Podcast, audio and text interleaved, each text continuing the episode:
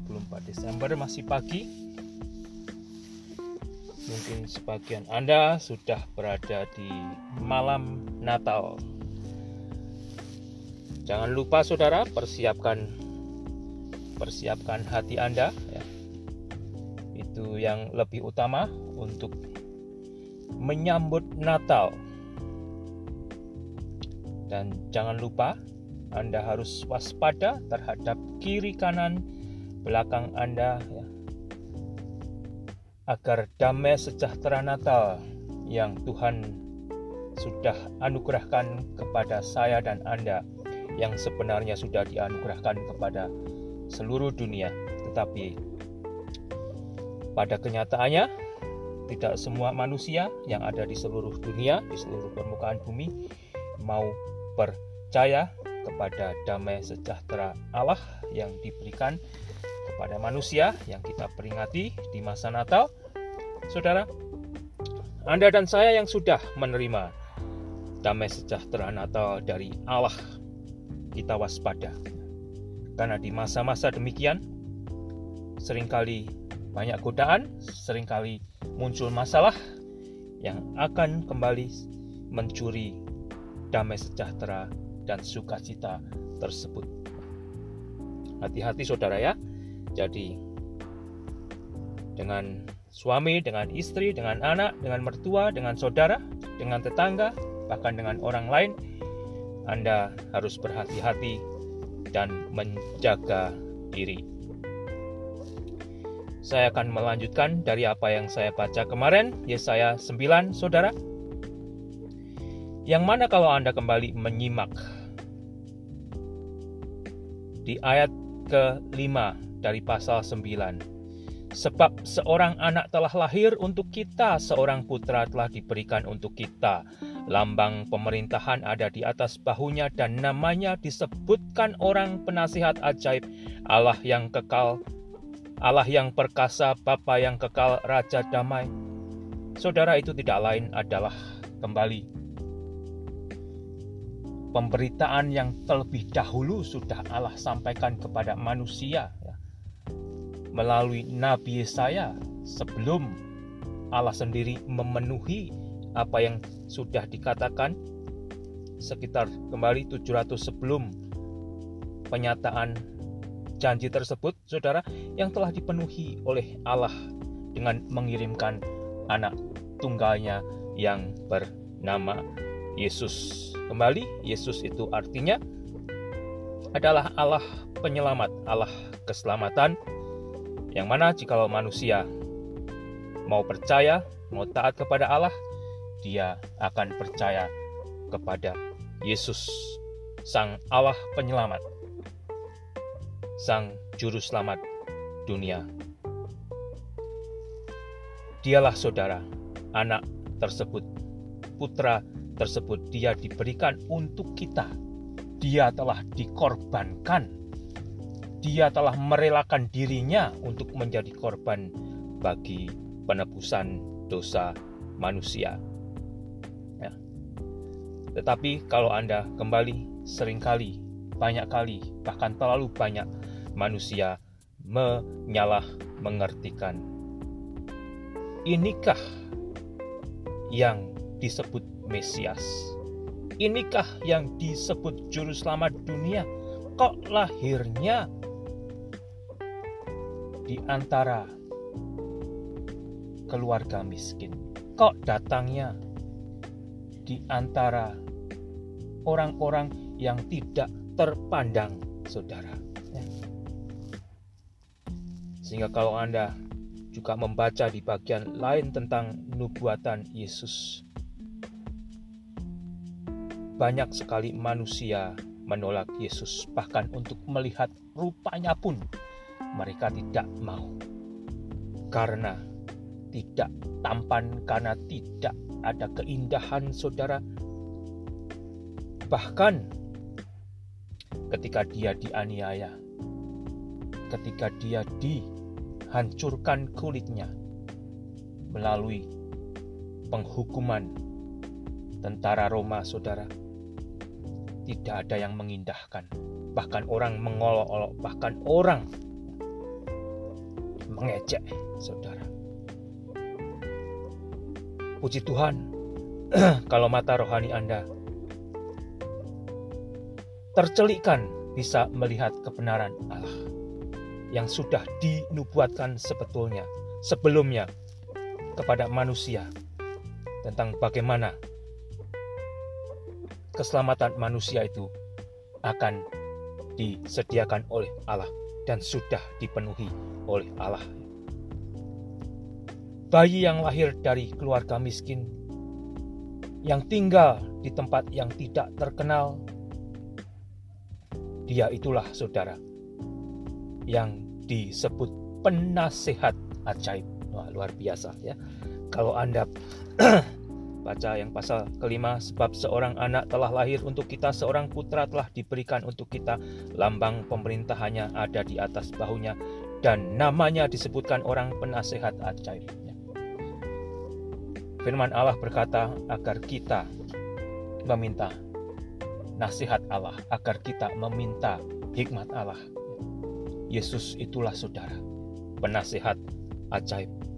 Yesus itulah saudara yang sanggup memberikan nasihat kepada saya, kepada Anda, kepada setiap manusia setiap, setiap kali kita membutuhkannya.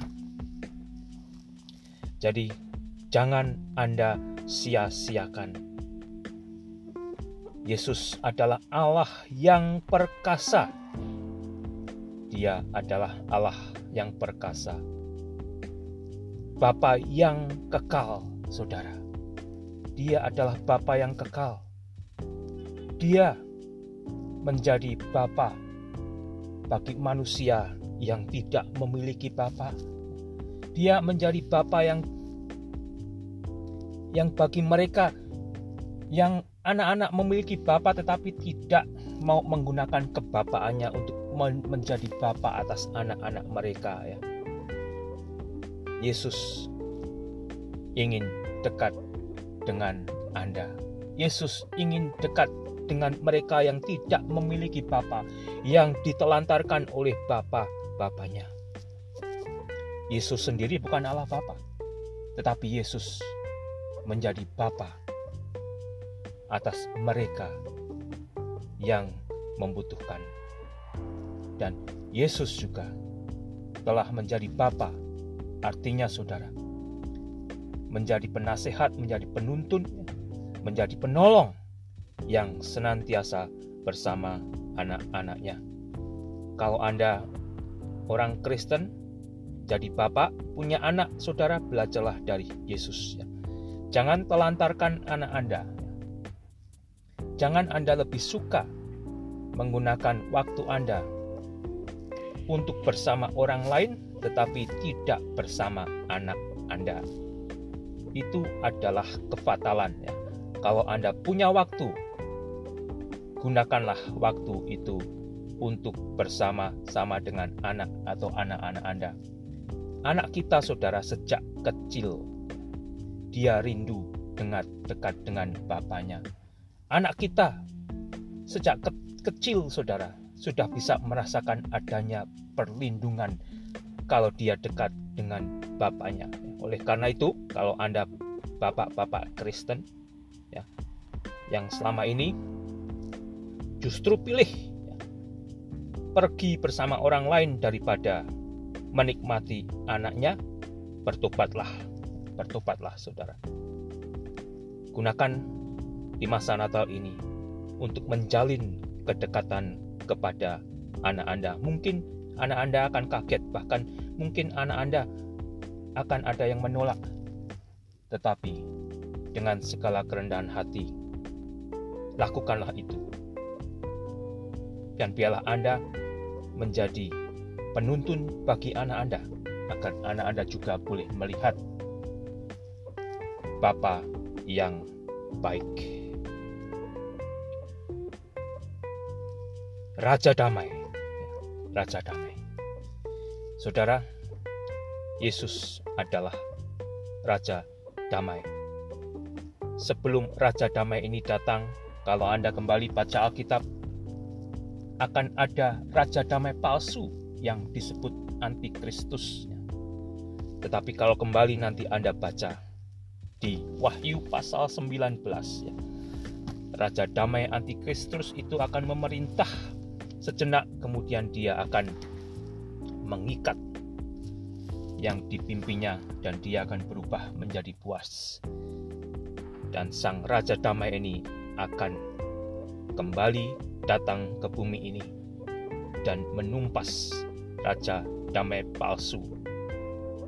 Anda baca saudara dari Wahyu pasal 19 sampai ke belakang.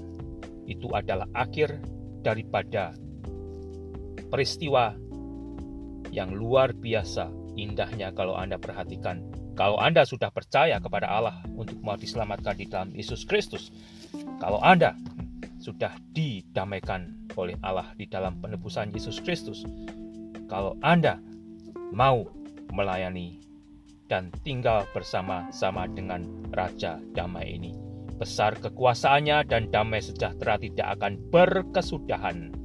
Ya, dia akan memerintah untuk selama-lamanya di atas tata Daud dan di dalam kerajaannya karena ia mendasarkan dan mengokohkan dengan keadilan dan kebenaran dari sekarang sampai selama-lamanya. Kecemburuan Tuhan semesta alam akan melakukannya. Ini kembali saudara itu semua akan digenapi. Jadi biarlah Anda persiapkan hati Anda untuk menikmati Natal di dalam damai sejahtera sukacita Allah yang sudah kita terima di dalam Yesus Kristus saudara Yesus telah datang Yesus telah mati Yesus telah dibangkitkan agar kita yang percaya memiliki kehidupan. Musuh manusia yang utama adalah kematian. Yesus telah membunuh kematian. Dengan matinya Yesus dan bangkitnya Yesus, kematian kembali saudara telah dibunuh oleh Yesus. Dan Anda yang percaya kepada Yesus, Anda tidak akan mati meskipun tubuh ini mati. Karena kembali, saya akan katakan lagi, yang sebenarnya dari diri saya dan diri Anda yang tidak akan pernah mati adalah jiwa kita, roh kita ya. Kita akan kembali diberikan tubuh kebangkitan. Sebagian akan dibangkitkan untuk dihakimi dan dihukum selama-lamanya. Sebagian akan diberi tubuh kebangkitan untuk tinggal bersama Allah penyelamat. Tuhan memberkati. Nikmatilah Kristus Anda bagi Anda yang sudah menerima Yesus Kristus. Nyatakanlah dia. Beritakanlah berita sukacita. Gegap gempita. Karena Allah telah menjadi manusia, Allah telah mati bagi manusia, dan Allah merindukan agar setiap manusia mau diselamatkan olehnya. Amin.